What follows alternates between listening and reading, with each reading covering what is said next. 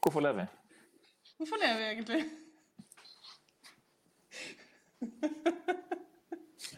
Fordi det er en av oss fire som har skrevet disse diktene. Det er ikke meg.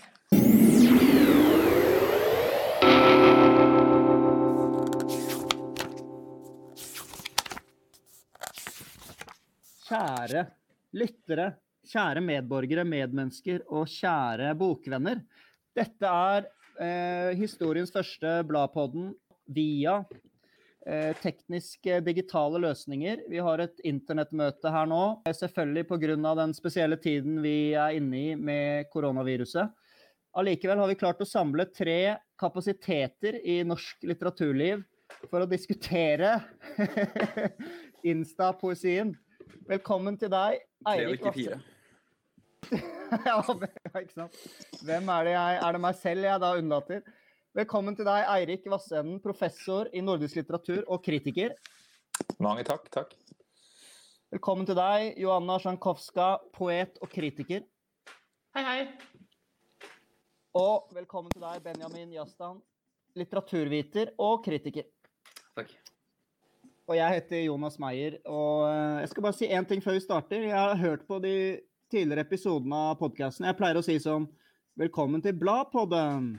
Og der er det en sånn liten ironi i det tonefallet jeg bruker der, som jeg har lyst til å slutte med.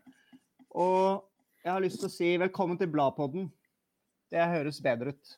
Ja, Vi starter Du støtter det, Benjamin? Absolutt. Vi starter som vanlig med å høre litt uh, hva dere leser for tiden. Hvis du er nysgjerrig på hva deltakerne i denne episoden leser, da kan du spole helt til slutten av episoden, hvor vi har lagt inn det som en fotnote. Men dere, la oss eh, gå videre. Vi skulle eh, finne som en liten oppvarming til denne Insta-poesisamtalen. Prøve å finne tre, to, tre, fire, fem linjer fra et dikt som er litt eldre. og Da satte jeg 1860 som en grense. Før 1860, som du ja, kanskje tenker ville eh, fått noen likes da på Instagram eh, i våre dager. Så eh, vi kan ta samme rekkefølge, kanskje. Eirik, eh, vil du starte? Ja, eh, dette er egentlig litt interessant. Eh, Bare når vi tenker på hvilke kriterier vi skal legge til grunn her. Eh, Altså, Hva er det vi tenker at eh, vil få likes? Eh, altså, Hva ser vi for oss at en sånn tekst må inneholde? Og Da har ikke jeg gått etter, primært gått etter noe som jeg syns er veldig bra.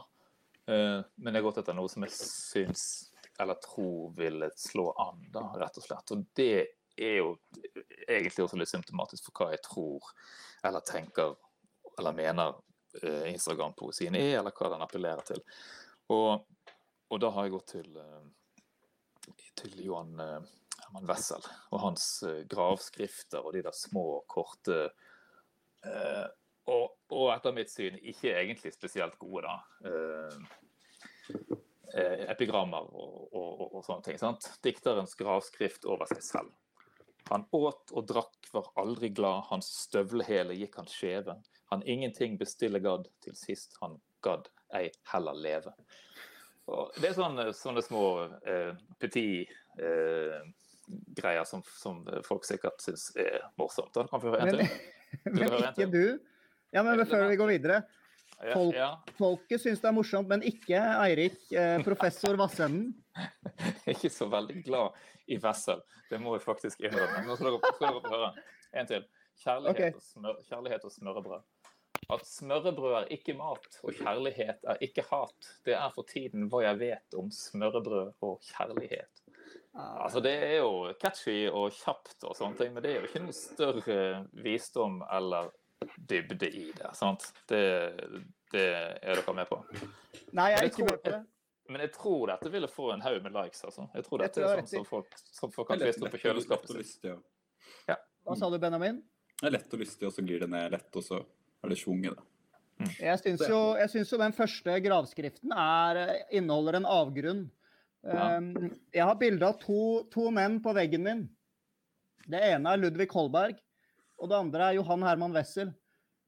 Så jeg er, men det er ikke fordi jeg, jeg er glad i Wessel, men, eh, men det er litt fordi jeg fant et kult bilde på et antikvariat. Men jeg, Ja, Ja, jeg, vet, jeg vet at jeg er litt ute av takt med både ja, mitt, mitt eget fag. Altså, sant? Så jeg er en litt, u- en litt uh, uskikkelig representant for nordisk fag her. For mange, mange av oss liker jo Wessel og syns det er bra. Jeg syns det er litt, Ja, ja. eh, litt, eh, litt eh, knapt, da.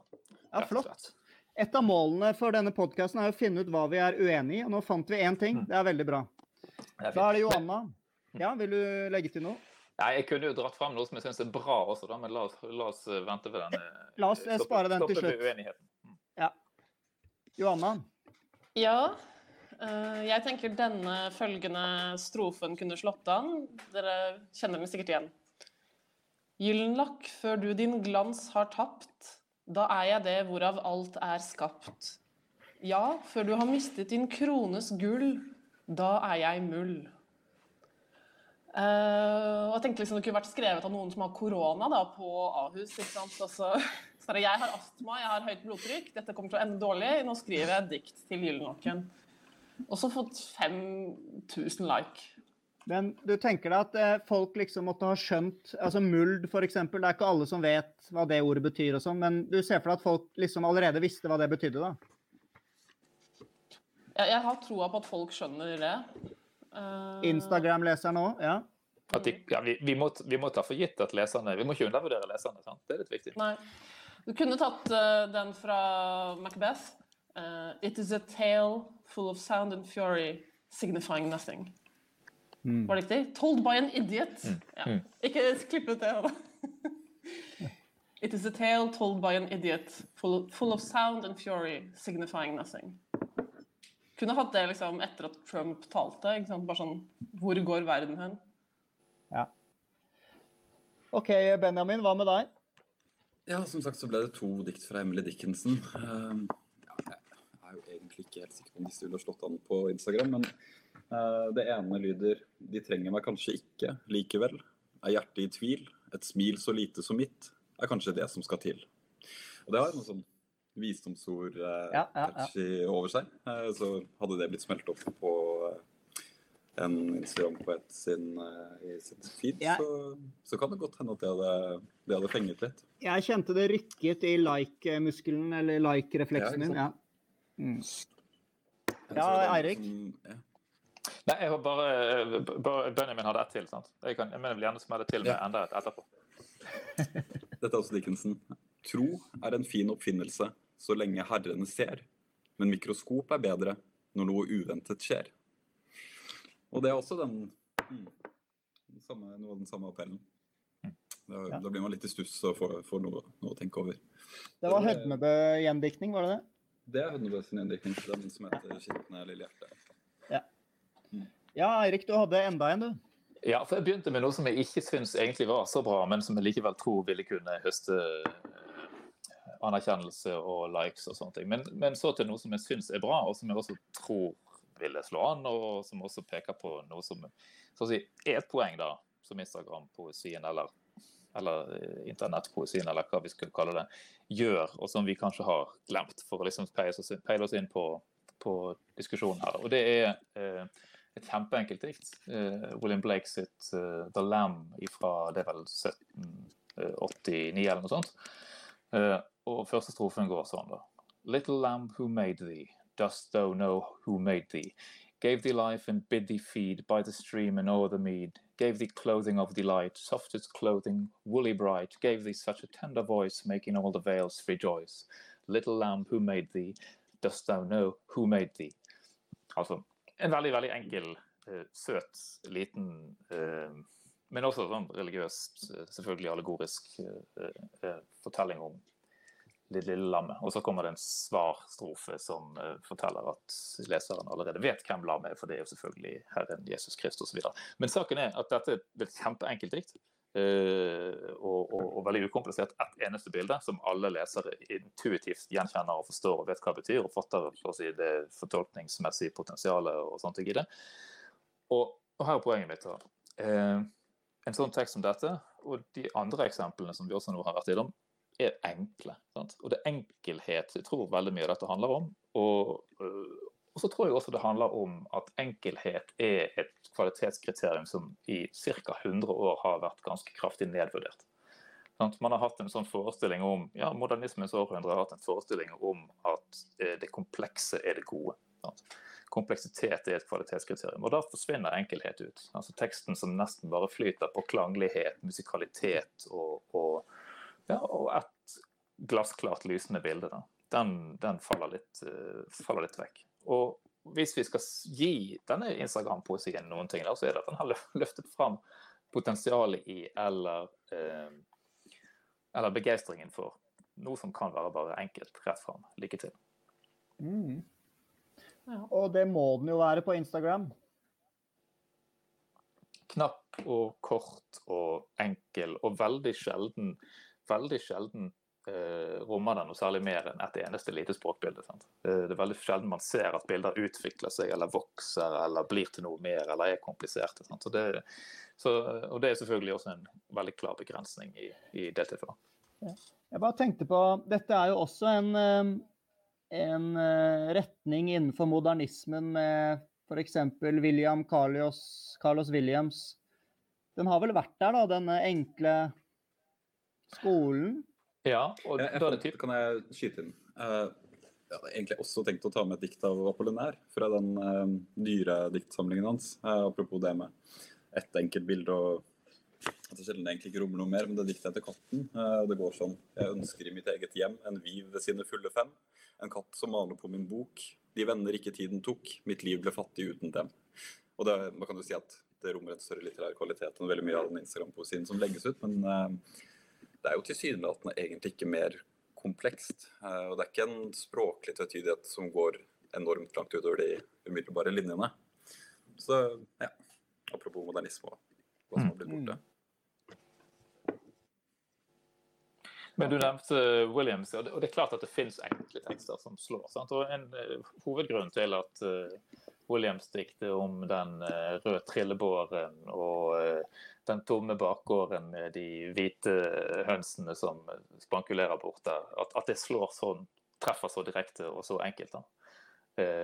Så, men det betegnende er det også at det, det kalles uh, hos William så kalles det en form for ny enkelhet. Sant? Og vi har hatt sånne bølger i poesihistorien. Sant? Komplekse, mm. voldsomme eksperimenter og avantgarde-greier. Og så kommer det en, en runde med noe, noe ja, mer direkte eller, eller enkelt. Da.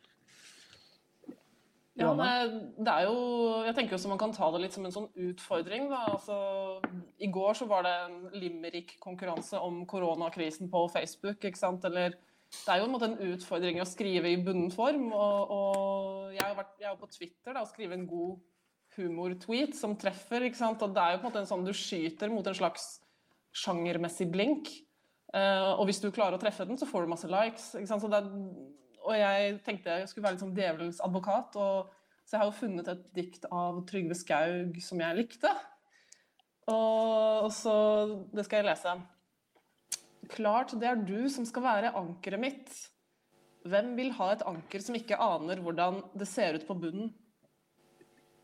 Og det er liksom enkelt og sånn Ja, ikke sant? Altså, du tenker liksom, ja, du har ikke tenkt på det før, da, at det handler om at måtte, noen har en sånn uh, kjennskap til noe mørkere eller dypere. Eller, ikke sant? Men Det er jo ikke veldig avansert. Men jeg skjønner jo godt at innenfor den, den sjangeren, innenfor den, uh, det mediumet som er liksom Instagram, så, så er det, da treffer han den blinken. da, satt, altså Innenfor de kriteriene som er i det formatet.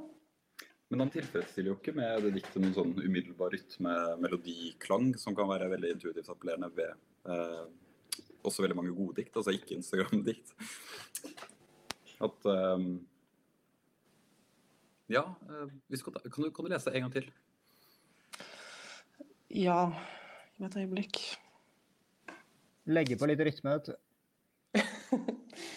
Klart det er du som skal være ankeret mitt. Hvem vil ha et anker som ikke aner hvordan det ser ut på bunnen? Ja. Jeg, jeg skjønner hva du mener, Johanna. Det er, ja. det er noe der, men jeg, jeg ble interessert i det, Eirik. eh, Du har jo skrevet litt om at vi kanskje ikke skal kalle dette poesi engang. At det, det trenger en annen sjangerbenevnelse. For det er jo Ja. noe Ja, det er noe litt motiverende. Det noe, sier noe om uh, livet og Men er det poesi? Uh, altså, Det er et godt spørsmål. Vi kan godt kalle det poesi hvis vi vil. Jeg syns ikke vi skal, vi skal Vi behøver ikke finne opp en, eh, en helt egen kategori bare for å reservere poesien til noe som vi liker litt bedre. Altså, Det er ikke nødvendig.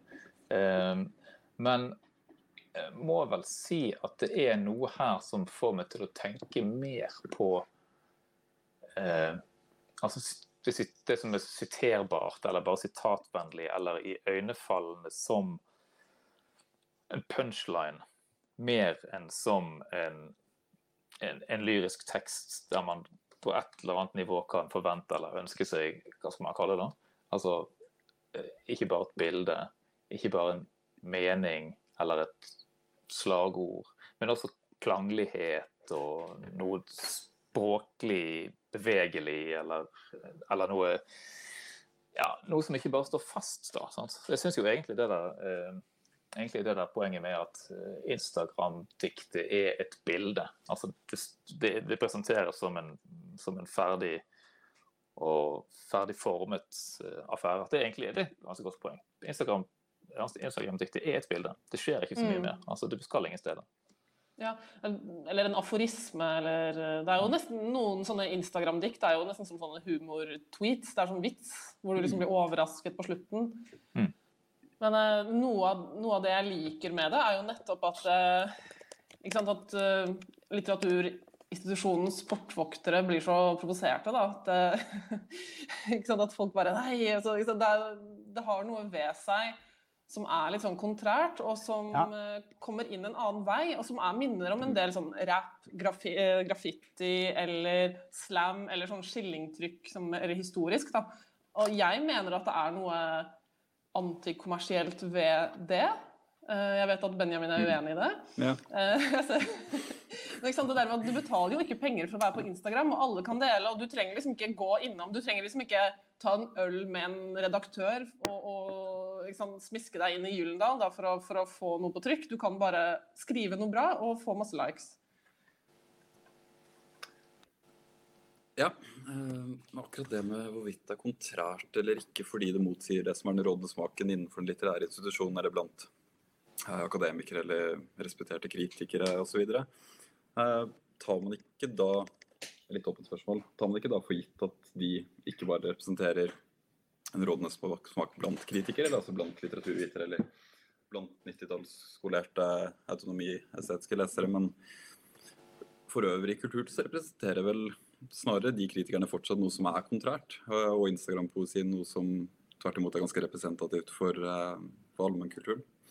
Så jeg stiller meg litt tvilende til om kontrært kanskje er riktig, riktig ord å bruke. Eh, Det er kontrært i den forstand at litteraturvitere og akademikere kan hisse seg opp, men utøver det noen kontrære funksjoner i kulturen for øvrig, er vel egentlig spørsmålet mitt tilbake da. Ja, jeg tror jeg, jeg tror jeg er nokså enig med, med Benjamin i akkurat det der. Altså, for, mitt, for meg å si så handler dette om to eh, ganske separate kretsløp.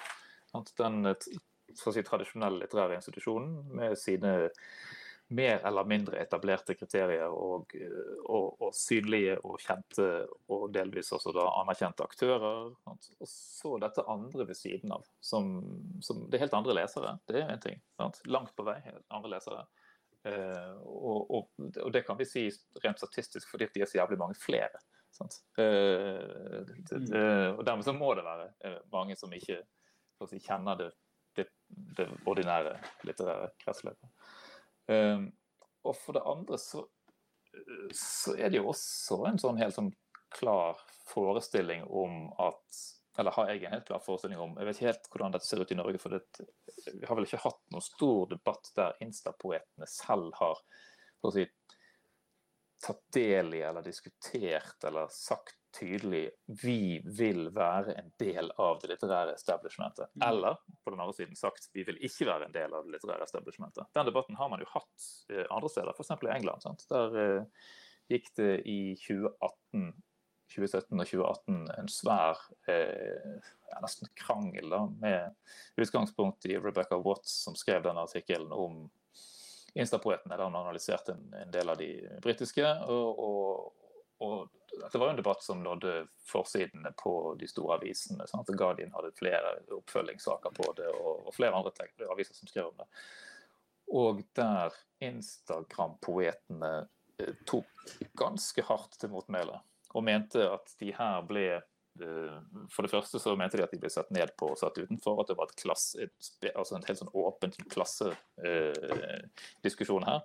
Eh, disse snobbete akademikerne forstår ikke at det vi holder på med, er å skrive arbeiderlyrikk. Vi skriver lyrikk fordi eh, fra et nedenfra-perspektiv. Det er den ene siden. På den andre siden så var det også flere som ga uttrykk for at de ga totalt blaffen i den litterære institusjonen. Watts skriver i dette ene essayet essay sitt at hun var til stede på en litterær festival av en av Insta-poetene som hadde kommet ut da med, eh, bok på for, med bok på forlag. snakket fra scenen om dialogen med forlaget. Og Da trakk hun frem som en uhyrlig gest redaktøren hadde gjort. Nemlig å sende henne en håndfull med diktsamlinger. Kanskje du kunne ha nytte av å lese disse bøkene her. Det ble av denne Insta-poeten betraktet som en helt sånn grovt overgrep, nærmest, da, eh, mot hennes erfaringer og hennes eh, litterære univers. At noen ville at hun skulle bli en sånn vanlig forfatter. Eh, så, så det, jeg tror det er at de, de, to kretsløpene de finnes parallelt. og Det interessante selvfølgelig det skjer interessante ting når de begynner å overlappes. Når Trygve Skau kommer ut, når Alexander Fallo kommer ut på eh, Store norske forlag. Da blir man plutselig nødt til å se de som én eh, ting. da. Mm.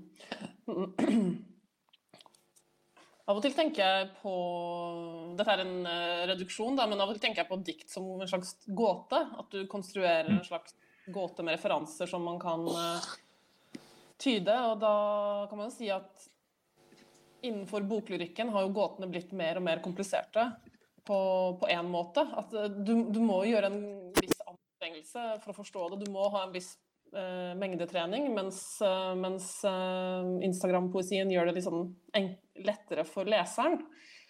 og det kan jo være pluss og minus med det, da, at det er en lavere terskel for å sette pris på det og på en måte gjøre eksperimenter og skrive ting og lage noe morsomt med språket. da.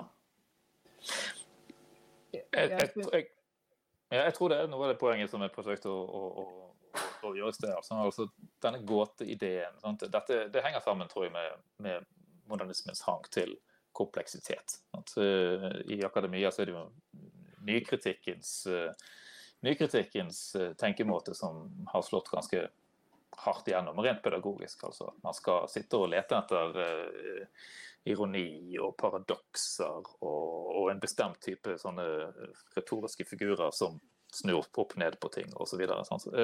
Og, og, det er klart at det blir man lei av i lengden. Å sitte og knekke gåter. Å sitte og løse mm. kompliserte sånne lag på lag med, med rebuser, rett og slett. Sant? Eh, for det er selvfølgelig dødsens befriende med, med tekster som går rett fram.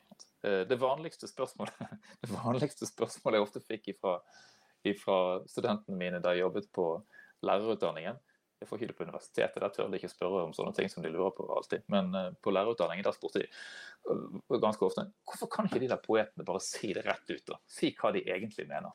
Må de gjøre det så jækla vanskelig? Det synes jeg egentlig er et ganske godt spørsmål, rent pedagogisk, for det finnes selvfølgelig noen svar på det også.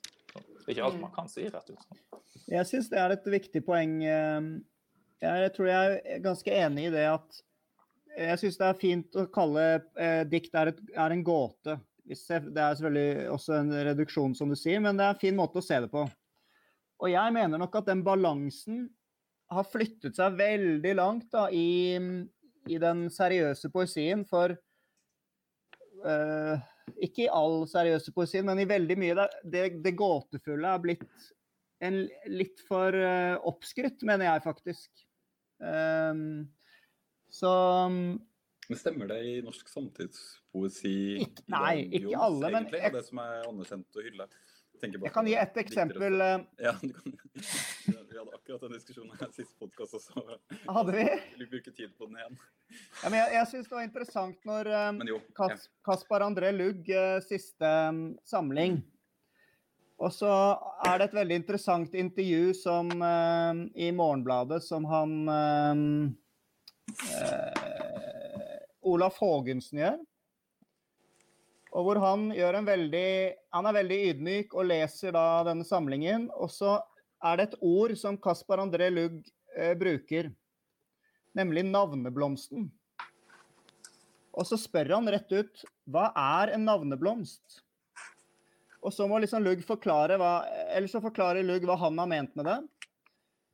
Um, men det er et eller annet med det der å, å, finne på ord på den måten hvor Olaf Haagensen er veldig sånn Står nesten med luen i hånden da, og, og, spør poesien hvor er meningen her, hva, hva er fasiten? Og hvor eh, Jeg syns akkurat den dynamikken som oppstår der, hvor dikteren får en veldig sånn høy posisjon Eh, som han sikkert har fortjent ved å skrive mange gode samlinger. Men jeg syns det var et eksempel på at det gåtefulle kanskje fortsatt blir satt litt vel høyt. Men er ikke det et eksempel ja. først og fremst på en kritiker som forsøker å ødelegge det gåtefulle? Ved å spørre på død og liv hva navneblomst betyr? Kanskje, men jeg syns det er interessant at Lugg hadde et svar. ja. Det var en brutt, brutt poesiresepsjonslov nummer én, men ja. Ja, jeg, har, eh, jeg leste nylig en diktsamling som jeg tror flere her har lest. Og 'Når det blir lyst', blir det helt fantastisk av Kristin Berge.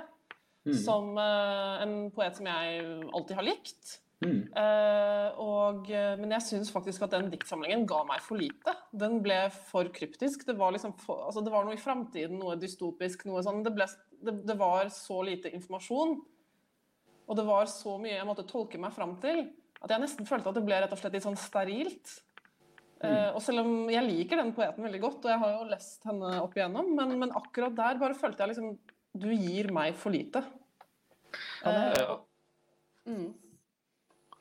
Ja, jeg har omtrent eh, helt motsatte syn på eller opplevelsen av den boken. Jeg syns den er kjempegod. Annet fordi at den er en sånn tekst som, man, som han sitter og ja, si, lurer på hva det er det betyr, men der det også er så mye plass til, eh, til fantasien. Sant? Det er akkurat det der dystopiske, fragmenterte, ruinaktige eh, i landskapene som skildres her, som, eh, som, eh, som, oppleves, som kan oppleves som en stor frihet. Da. Nettopp fordi det ikke er sånne gåter som skal knekkes eller løses. Sant? Det ligger ikke mening pakket inn i sånne kompakte kjerner som man skal knekke.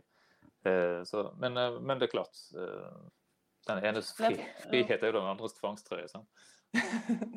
ja, men jeg tenkte sånn så si, hvis, La oss si at den er inne i en slags science fiction-tradisjon, så føler jeg liksom at den forsømmer litt det der med world building. da. At hun, hun gir oss ikke nok med liksom, ok, men hvordan ser denne verden ut? Altså Når noe er veldig fjernt fra din egen virkelighet, så Kanskje du trenger litt kjøtt på beinet? da, altså Må alt hele tiden bare være opp til mine egne assosiasjoner? ikke sant? Kan hun ikke beskrive litt mer hvordan ting ser ut i framtiden? Mm. Eh, eller hva slags personer som er der. Altså, jeg sier ikke at poesien må gjøre det, men av og til kan det virke litt uh, At du får litt for lite, og at du må gjøre litt for mye arbeid. Uh, og det sier jeg, altså jeg leser poesi hver uke, men, men likevel uh, av og til kan man få den følelsen. Så når, når, du plutselig leser noe som har en veldig sterk emosjonell appell, Eh, så, så det blir en kontrast, da. Mm. Kan jeg få skyte inn uh, sitat fra Frode Helmik Pedersens uh, anmeldelse av Trygve Skau her, som er jo litt det vi snakker om nå, hvor han sier Hvorfor har den seriøse samtidspoesien så lenge og så hardnakket insistert på å unndra seg lesernes emosjonelle behov? Er det ikke på tide at den rister av seg noe av den modernistiske arven, og igjen kommer sine lesere i møte? Ja, Benjamin? Ja, jeg vet ikke om jeg er helt enig med premisset til uh, Henrik Pedersen der. For jeg lurer kanskje på om poesien ikke, eller altså Instagram-poesien eller den tilgjengelige poesien som han i likhet med meg vil til livs. da. Um, om den kanskje ikke konkurrerer med øvrig poesi lenger, eller poesi i det hele tatt, men den konkurrerer om eh, oppmerksomhet fra sosiale medier eller fra Netflix eller fra underholdningsindustrien i en mye større grad enn tidligere. Eh, så det er vanskeligere å bedømme den vis-à-vis -vis, eh, poesi som ellers blir gitt ut, om den skulle være for runkel eller utilgjengelig eller kryptisk. Ja, det, altså, jeg synes det, det, er to premisser der som Frode legger opp i denne diskusjonen. og Det ene er jo dette som er et slags sånn markedsmessig eller historisk faktum at uh, boklyrikken har uh, ja, på et vis renonsert da, som populær sjanger. Det, det, skjer, og det skjer omtrent samtidig som, uh, som teknologien og, og, og poplyrikken når utbredt. Teknologien gjør at det er mulig å formidle musikk på, eller lyrikk på andre premisser. Eh, og Det er den ene siden av saken. altså at leses, Boklyrikken leses ikke av så mange. Det andre premisset hans, altså at boklyrikken har sviktet sine leseres emosjonelle behover, det er jeg også litt usikker på om jeg helt, det første helt litt usikker på om jeg, vet hva, om jeg forstår hva det betyr. For det andre så er jeg usikker på om jeg er eh, enig i det. Mm. Men altså jeg tror nok han slår de to tingene sammen uh, og sier rett ut at, eller mener da, at, eh, at, lyrikken ikke egentlig er så interessert i sine lesere. Og Det er jo et, et slags uh, spørsmål eller premiss vi kan, vi kan diskutere. Det er åpenbart at Insta-poetene er interessert i sine lesere, fordi at det er det det mm. handler om. sant? Ja, ja, men det... Men altså det Jeg er uenig med, med Helmik Pedersen i det at poesien skal tilfredsstille våre emosjonelle behov. Uh, altså For å sitere Slavoj Žižek, da. ikke sant? Uh, våre innerste drømmer er Hollywood-klisjeer. Ikke sant? Det, me det, mener jeg virkelig. altså det uh, jeg kan bli overrasket over hva jeg finner rørende. ikke sant? Så, uh... Bare si Benjamin ga deg nå en like. Han, han ga tommel opp. jeg, så det. jeg setter pris på det. Min første like. Uh, og, og jeg, Det jeg vil ha fra poesi, er at det problematiserer mine emosjonelle behov. Uh, på en måte sånn, si for eksempel, da, sånn, La oss si nå som det er klimakrise, så har jeg sånn behov, og jeg vil ha håp. Gi meg håp. Men jeg, hvis jeg venner meg til poesien for håp, det, jeg tror det blir platt. Uh, altså, jeg tenker jo det er mye bedre om kanskje poesien viser meg jeg vet ikke, liksom, At min måte å se naturen på kanskje ikke er så enkel og rett fram som jeg hadde trodd. At den problematiserer det romantiserende blikket mennesker kan ha på naturen. At du tenker bedre og dypere. Og jeg tenker jo at tanke og følelse henger sammen. Så, så når du tenker deg innover i et felt som, som poesien kan hjelpe deg med, da, da, ja, det er jo både emosjonelle og intellektuelle behov da, som da blir tilfredsstilt. Men det er liksom ikke så, så rett fram da, at poesien skal måtte gi meg håpet når jeg står på barrikadene. eller ja. Jeg syns det var interessant eh, tanken om at det kan problematisere våre um, innerste behov. Det minner meg om uh, igjen Asta Olivia Nordenhoff. Uh, I den siste romanen hun har skrevet, så, så, sier hun at hun vil problematisere kjærligheten. Det er jo et veldig sånn kapitalismekritisk prosjekt hun har gående, men også kjærligheten er liksom en del av systemet og strukturene og, og påvirket av dette. Ja, altså, par, altså nå, jeg, nå, jobber jeg min, eh, Pengene mine kommer fra det at jeg er parterapeut. Så, så, jeg mener jo at parforholdet er en slags utopi i vårt samfunn. Og hele Hollywood-industrien bygger jo opp om det der at med en gang du finner kjærligheten, så kommer alt til å bare ordne seg. Ikke sant? Og det, det er jo mye man kan problematisere med, med vår kultur, som, som, er knyttet til våre emosjonelle, dype, intense behov. da det er jo når vi finner kjærligheten at, at, ting slår krøll på seg, selvfølgelig. Da mister vi jo eh, det er ikke det, sånn ren, ikke det ren biokjemi. Da. da mister vi plutselig eh, den logiske sansen, og så skjer det ting som vi ikke klarer å kontrollere.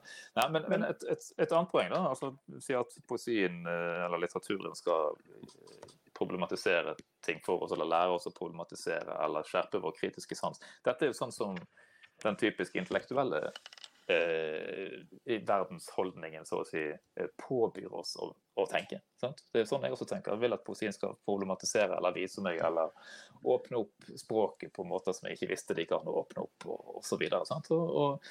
Men det er jo klart at litteraturen og poesien også har andre registre. Sant? Ikke bare det følelsesmessige, men også det rent ut terapeutiske. Uh, altså, mm. jeg skrev doktorgraden min for uh, snart, ja, for ganske mange år siden, da, om uh, Hordalands store poet, eller en av Hordalands store poeter, Olav Nygaard. Han som døde i, i ganske ung, i 1923. Eh, og han skrev før han døde av tuberkulose, som han da hadde hatt i ti år, eh, en lang rekke med med dødstematiserende dikt, altså dødsdikt på dødsleietekster. Eh, og de går i alle mulige retninger. Sant? Det, jeg ligger her seglebudd. Jeg ligger fortøyd ved, ved, ved, bryggen, og vinden river og sliter i seilene mine og vil ha meg utover floden. Eller et sånt Det aller siste diktet i den siste boken hans. Et sånt eh, både sarkastisk og forsonende dikt til jåmannen, altså rettet direkte til døden selv. Da, der han først lokker han frem for å kunne skjelle han ut, for å kunne peke på hvor latterlig han er, med disse hvite, eh, eh, klossete beina sine, eh, den radmagre fremtoningen hans og alt det der. Før han også da kan klare å finne en eller annen form for forsoning. Og jeg har fått ganske mange henvendelser fra folk som enten selv har funnet eh, funnet eh, hva skal man kalle det, forsoning eller ro ved å lese disse tekstene liksom på det siste, eller foreldre som har, som har brukt den, disse diktene helt sånn konkret da, eh, når de har ligget på, på, på, på, på dødsleiet. Så det, det finnes også sånne behover. Og det finnes også en sånn type bruk av litteraturen og poesien mm. spesifikt. Altså vi må det er klart problematisere, men også, også andre og mer sånn mm. ja, rett og slett terapeutiske aspekter ved det. Ja, det, det, det er jo interessant. Eh, nå sa jeg i begynnelsen, begynnelsen at jeg hadde lest eh, Nå sa jeg at jeg hadde lest en håndbok i militærpsykiatri. Eh, og Der er det veldig mange sånn caser om soldat, norske og amerikanske soldater. og Helt på slutten så er det to, to dikt Eh, helt til slutten av boka. Og det ene det er Invictus, som slutter med I am the master of my fate, I am the captain of my soul. Og etter at jeg hadde hørt alle disse soldathistoriene, så traff det meg skikkelig. Og bare sånn, åh, dette føltes, og Disse soldatene går rundt som et sånn mantra og har de ordene. Det, det, det står i boka at de har en sånn mantra de sier når de er i strid. Eh, og selvfølgelig er jo ikke det sant. Ingen er jo captain of his soul, da. Men, men, det kan jo fylle forskjellige behov, da. Det høres veldig viktig ut at uh, poesien ikke skal være én ting. Det skal mm. ha et rikt repertoar. Og jeg har lyst til å trekke inn en ting du skriver, Benjamin, som jeg syns var spennende. Ja, litt uferdig teksten. Ja, en litt, litt uferdig debattinnlegget. Ja. Fordi hvis vi kan være med på sant, at poesi kan være mange ting, og Instagram-poesien eh, kan oppfylle en del viktige funksjoner for mange. Så kan man diskutere hvor vellykket det er, og om det er en fordumming eller ikke. og sånne ting. Men du skriver at i seg selv så er det, det er foruroligende at den poesien som er folkelesning i dag, altså Instagram-poesien, blir formidlet og fråtset i på bildedelingsplattformer. Kan du utdype det litt? Ja. Ja, Det har vel egentlig å gjøre med mitt rimelig kulturkonservative syn på litteratur, som jeg helt sikkert ikke etterlever selv i det daglige. Da. Men eh, at det skal fungere som et visst avbrudd eller som en viss pause eller et opphør fra resten av hverdagen. Jeg vil det fortsatt skal være en slags hendelse. Jeg vil at det skal rykke i noe og rive meg ut av vant tenkning, sansning. Eh, og når da den poesien som og helt åpenbart appellerer til flest og leses av flest, og kanskje etter hvert også La oss ikke håpe det. Eh, diskuteres og snakkes om av flest og får mest spalteplass i media osv. Eh, er den som konsumeres i samme åndedrag som man sender en tekstmelding eller gir en like på et bilde eh, eller ser en liten videosnutt eh, osv. Jeg merker jo selv, og det var jo så vidt inne på litt i chatten eh, hvor vi planla den samtalen her for noen uker siden, at de tekstene til, til Pål Lorheim f.eks. Idet de oppdateringene eller korttekstene han publiserte på Facebook i ganske mange år, idet det ble gitt ut av kolonforlaget i oppdatering i bind 1 oppdatering i bind 2, uh, så merker jeg at det skjer, skjer noe umiddelbart med tekst, tekstene, og de går skal si det veldig tabloid. De går opp i litterær kvalitet idet de blir samla mellom to permer, og jeg kan lese de og forstå de som litteratur i større grad enn når jeg konsumerer når jeg er litt brisen på senga eller på bussen på vei hjem.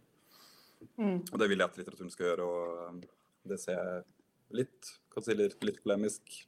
Instagram som en trussel mot, eller Instagram-poesien som en trussel mot. Det er en ut, utviskning av uh, Eller en uh, nedjustering, nedvurdering av hva poesien kan gjøre. Ja, kan jeg få si det? Altså, hvis vi tenker på den rene kommersialismen i dette, så er det jo både en oppvurdering av, og en nedvurdering da, av poesien. Ja. Eh, oppvurderingen ligger i at eh, at uh, en fyr eller. Ja. ja. en fyr eller en dame skriver noen dikt som folk syns er så bra at de legger igjen tusenvis av kroner i merch. Sant? For å kjøpe T-skjorter eller kopper eller vinkolleksjonen til den aktuelle Instagram-poeten, eller, eller pannebånd, eller hva det nå måtte være. Sant? Altså en helt enorm eh, begeistring for dette. Eh, nedvurderingen ligger selvfølgelig ja, i at eh, ja, bare eh, naturen til diktene blir veldig, veldig, veldig synlige. Sant? Eh, mm. Dikt er jo varer de andre diktene også. De mm. som står i bøker. Absolutt. Ja, Men det er jo ikke noe galt i å tjene penger i seg selv. Og, eh, den poeten jeg nevnte i eh, innlegget mitt, som er Kjersti Wøien Haaland, mm. hun, eh, hun, hadde jo en sånn julekalender på Instagram som hun så ga ut i en bok. Og hun donerte alt hun tjente på den til stiftelsen Alternativ jul. Ikke sant? Ikke en krone fra det. Og, og, men det så, så, det er ikke alle som er kommersielle. Det som er interessant i det du sier, Benjamin, er egentlig at da hun delte de diktene på Instagram, så leste jeg på en måte ikke de noe særlig nøye. Jeg tror jeg bare, jeg kan ikke huske de så godt, så jeg leste dem egentlig først når de kom i bokform. For jeg tror ikke jeg klarer å lese poesi på Instagram.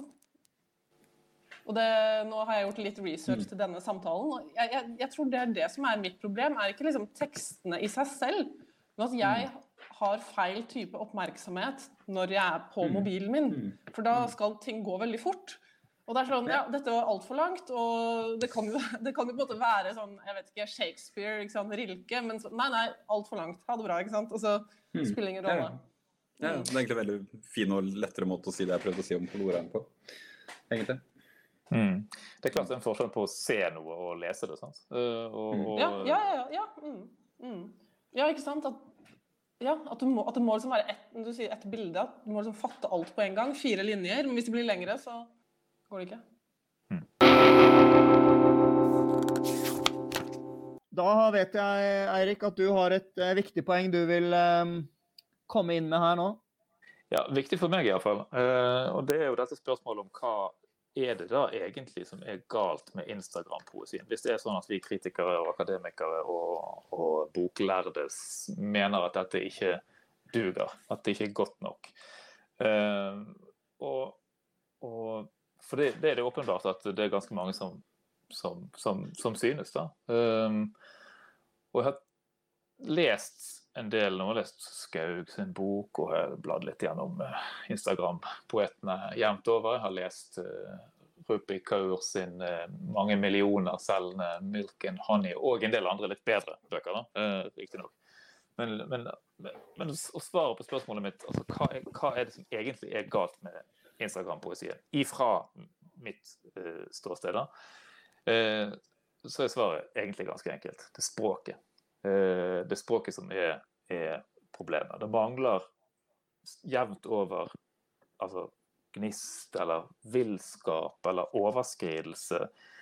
Eh, og det betyr også at det fins ikke egentlig noe sånn forsøk på å trenge ut av, av det vanlige, det, det, forventede, det etablerte, det allerede brukte. Eh, altså, det mangler følelsen av av nye rom og, og, følelsen av nye og større språk. Det er det som er problemet. Men, bildene, men, altså, bildene, er enkle og effektive, men også små. De er, liksom, de, er lukkete, selvomfavnende, og det, liksom, det, mangler en åpning mot noe annet. Nesten men, alle diktene gjør det. Men eh, Eirik, kan du, kan du se for deg at det en dag skal komme en slags Messias og skrive skikkelig gode dikt på Instagram? Selvfølgelig så klart. Alle plattformer kan det, eh, kan det gjøres alt mulig rart på. Eh, og for alt jeg vet, så har jeg bare ikke lest nok. Så fins alle disse strålende tekstene et eller annet sted. Men da må, da, da må Jeg har ikke sett det Og det ifølge er Ifølge forskerstipendiat Camilla Holm, så er det jo kritikerne som er i utakt med, med poesien. Ja, og det, det, er sant. For vi er ikke egentlig kjempeinteressert i dette fenomenet. Eller det vil si, vi er interessert i det som fenomen, men kanskje ikke i stor nok grad som, som poesi. Men, øh, men øh, saken er jo at jeg tror at dette er tekster som har Altså, de ser annerledes ut fordi at de har et annet publikum. Fordi de bryr seg om sine lesere. Kanskje de bryr seg for mye om sine lesere. Og, og, ikke egentlig er så interessert i å, å lage ting som, som, ser nytt ut, eller som peker i nye retninger, eller som finner opp språket på nytt.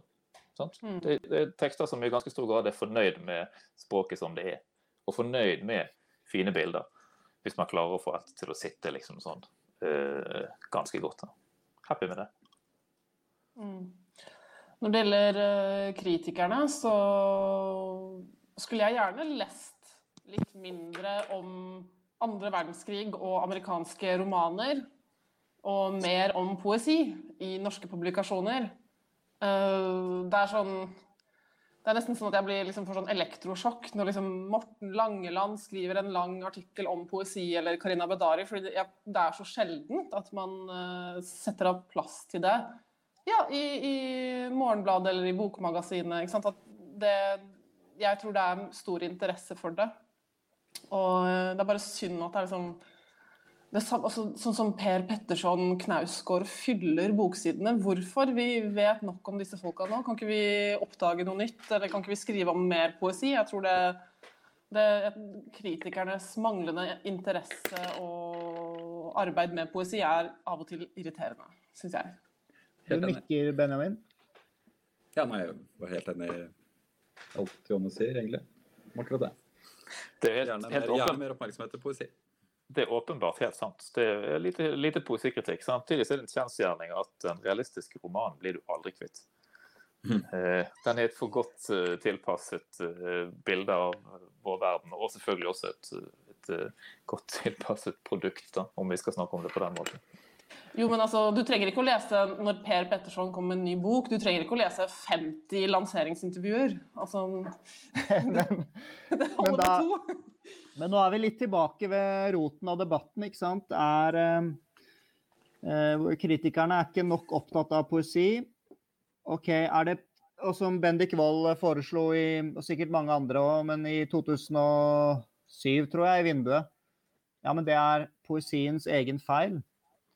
Som han får. og da er vi litt tilbake igjen, da vi har gått noen runder. Vel, vel. Eh, vi skal snart avslutte denne samtalen om eh, Insta-poesien, og som jo også da river med seg masse spørsmål om poesien eh, i det hele tatt. Du hadde et Insta-dikt til oss til slutt, Johanna, hadde du ikke det? Ja, jeg ville bare høre hva dere tenker ja. om det. Jeg skal lese det. Det er vel flere enn meg som sitter hjemme i dag med feber og drikker te og gleder seg til neste besøk på The Well. Hva sier dere? Hva sier dere? Jeg har flere. Jeg er helt med på å knuse kapitalismen og patriarkatet i tusen knas så lenge vi har etterfesten på The Well.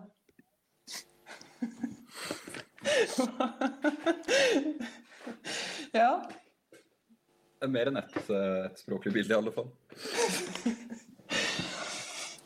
Vi ler fordi Ja. Hvorfor ler vi? Ja, hvorfor ler vi? Hvorfor ler vi egentlig?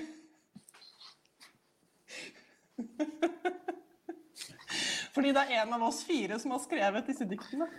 Det er ikke meg. Det er, det er meg, uh, Johanna, det vet du. Men uh, min uh, The Well-suite på Instagram, den står jeg 100 innenfor. er ikke denne debatten egentlig litt over? Jeg gikk tur med en venn av meg. Vi gikk flere meter fra hverandre. Vi overholdt retningslinjene fra FHI eh, her om dagen, men vi, vi, kunne snakke med hverandre. og Han er kulturjournalist, og han ble faktisk litt irritert når, han, når jeg sa at vi skulle lage podkast om Insta-debatten, Insta-poesidebatten.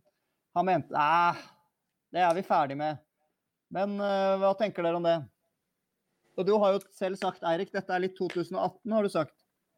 Ja, jeg syns jo egentlig det. Altså, det er en diskusjon som har vært oppe, og, og, og, og, som Og som har på en eller annen måte vært kjørt litt sånn Kjørt litt kjørt litt i hjel, da. Uh, og så dukker den opp igjen. Uh, nettopp kanskje fordi at altså Grunnen til at den er i 2020 også, er jo fordi nå kommer disse bøkene ut. Nå, nå, skjer den denne der overskridelsen av, uh, av mellom de to kretsløpene. Den konvensjonelle og den digitale. Altså det Hvilket betyr at forlagene også er interessert i å ha en bit av kaken, rett og slett. Og, og, da mm. kan vi jo plutselig begynne å diskutere om skal vi nå vurdere disse diktene ut ifra samme kriterier som en hvilken som helst ny diktsamling, og hva skjer da? Mm. Så, det, så, sånn sett så er den aktuell fordi eh, flere Instagram-poeter har tatt steget ut i bokform på etablerte forlag, og da blitt anmeldt sant, i, den, i, pressen. Uh, jeg vet ikke, jeg tenker jo den, den er jo evig aktuell så lenge det kommer nye dikt på Instagram og man har litt nysgjerrighet. Da, og men jeg merker et sånn behov eller sånn mangel. Altså tenk om det var en sånn poet man kunne lese som, som eksperimenterte litt mer. La, ha, liksom, som hadde bilder hvor teksten flyttet på seg. Det kom altså, visuelle altså En slags poesifilm. Da, poesifilmer på Instagram. Altså, det er jo egentlig ganske mange muligheter som ligger her som ikke er brukt.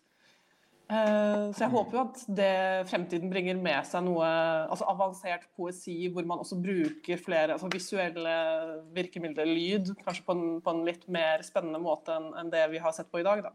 Mm. Men det er noe annet, og det, finnes, og det finnes, og det finnes masse av. Sant? Altså Digital poesi og elektronisk poesi som er noe helt annet.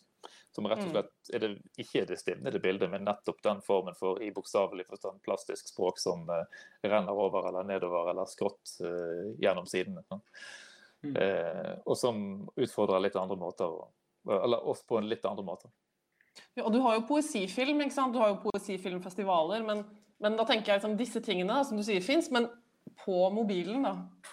Altså, altså, går det an å, å, gjøre det mer tilgjengelig? Altså, det, jeg vet ikke.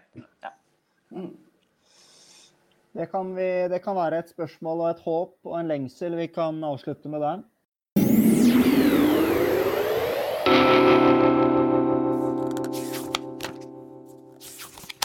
Vi starter som vanlig med å høre litt uh, hva dere leser for tiden. Så Eirik, kanskje du har lyst til å starte? Ja, jeg kan si hva jeg leser. Jeg leser eh, eh, en haug med studentoppgaver, selvfølgelig. Eh, alt sånt foregår jo nå digitalt. Og så sitter jeg med den store og, og ganske flotte eh, og i alle fall interessante diktsamlingen til Joseph Pontus, den som heter 'Linjeskift', og som er nettopp kommet på norsk. 'Skriftblad fra fabrikken' heter eh, undertittelen på Morgan Vikingstad sin gjendiktning. Dette er jo et stykke eh, tekst som føyer seg inn i en sånn fornyet eh, interesse for å skrive tekster som i alle fall på avsendersiden da mener seg å stå på gulvet i fabrikken. Så kan man diskutere hva det betyr, eller krangle om hva slags type eh, tilgang man har til den slags erfaringer, sånn som Kjartan Fløgstad og, og Edouard Louis har drevet med. Mm. Yes. Men en fin, det... en fin og morsom, morsom uh, stor uh, Er det poesi som uh, kunne fått likes på Instagram? Ja, ja. Bare ut ifra det vi kunne kalle ren intensitet og sånn voldsomheter. Så den har en voldsomt sånn trøkk. Og den begynner å rulle, og så slutter den jo aldri. Men den er ikke kort nok, den er ikke knapp nok eller poengtert nok sånn på enkelte tekstbiter. Nettopp. OK, Johanna, hva leser du for tiden? Jeg leser uh, en debut som heter 'Jeg har fotografert deg mens du sover' av Alicia T. Nguyen Ryberg. Som ja. er uh, Ja, men det er en brevroman. Uh, og jeg liker den veldig godt. Den, um, mm. Og så leser jeg i embets medfør eh, håndbok i militærpsykiatri. Og, eh, og så leser jeg altså en veldig god bok som heter 'Feminisme for de 99 av en gjeng eh, amerikanske feminister som, eh, som, er veldig bra. Det er sånn, I forordet så skriver Linn Stalsberg sånn å, denne er veldig radikal, og nesten litt sånn for radikal for meg, som er en radikal feminist. Og jeg bare, nei, den er ikke radikal. Det er akkurat riktig mengde radikalitet med at uh, feminister burde være skeptiske til systemet. Eh, de skriver at sånn liberalfeminismen vil liksom knuse glasstaket, men så må liksom arbeiderklassen rydde opp glassbitene etterpå. Så det liker jeg. Ja. Jeg, skal, jeg må si vi har hatt Lint Statsberg som gjest her på Bladpodden, faktisk. Kan man høre henne snakke om den boken, blant annet. Ja. Mm. OK, Benjamin, hva leser du for tiden, da? Jeg leser litt spredt. Jeg leste uh, 'Vertigo' av uh, eh, VG Sebon. Uh, de to første fortellingene der, som jeg er veldig glad i. Uh, og så har jeg lest litt i uh, en sånn mini-essaysamling av Richard Sennett uh, som handler om eksil. han skriver en veldig fin tekst om den jødiske befolkningen i Venezia. så har jeg lest litt uh, Emily Dickinson. Uh, og da har jeg røpt egentlig hva mitt bidrag til poesi før 1860 som kunne vært Instagram-vennlig, er. Men det er det jeg har holdt med, da. Det siste. Ja. Apropos det med eksil. Um, for mange av oss vil jo dette være det nærmeste vi kommer. Et form for eksil. Uh, og, og, de, for, å dele den erfaringen. Uh, vet ikke, Har dere gjort dere noen refleksjoner om det i forhold til det livet som skrivende og tenkende?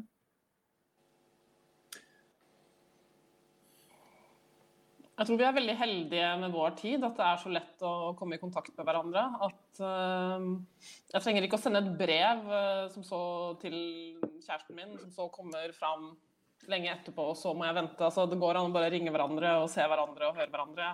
Det er jo egentlig veldig luksus. og Våre liv er ikke i fare. Vi, det er jo på en måte en trygg, en, en trygg uh, et trygt eksil da, på mange måter.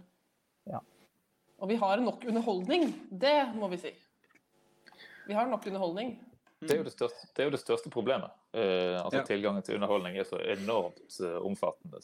Uh, ja, vi befinner oss i en tror jeg, mer privilegert eksiltilværelse enn det noen, noen, eksilanter tidligere har gjort. Vi står jo også fritt til å bryte eksilet vårt når det måtte passe oss, for å gjøre omtrent det vi vil. Enn så lenge. OK. Det var jo ikke det vi skulle snakke om i dag. Vi skal snakke om Instagram. Jeg vil bare si hva jeg leser nå. Jeg leser uh, Asta Olivia Nordenhoff oversatt til nynorsk, som jeg går ut ifra er den samme serien, altså Samlaget, som oversetter utrolig mye poesi, utenlandsk poesi. Dette er jo dansk, selvfølgelig, så den kan man jo lese helst på originalspråket. Men det er litt artig å lese det på nynorsk òg. Det er 54 sider og jeg blir veldig begeistret av ca. fire av sidene. Begeistrer meg veldig. Og det er ikke dårlig, syns jeg, for en, uh, for en bok. Ikke diktleser. Du er med din skepsis til dikt, Jonas. Å nei, jeg, jeg, jeg vet ikke hvor det kommer fra. Jeg leser masse dikt. Og har, har lest mye dikt.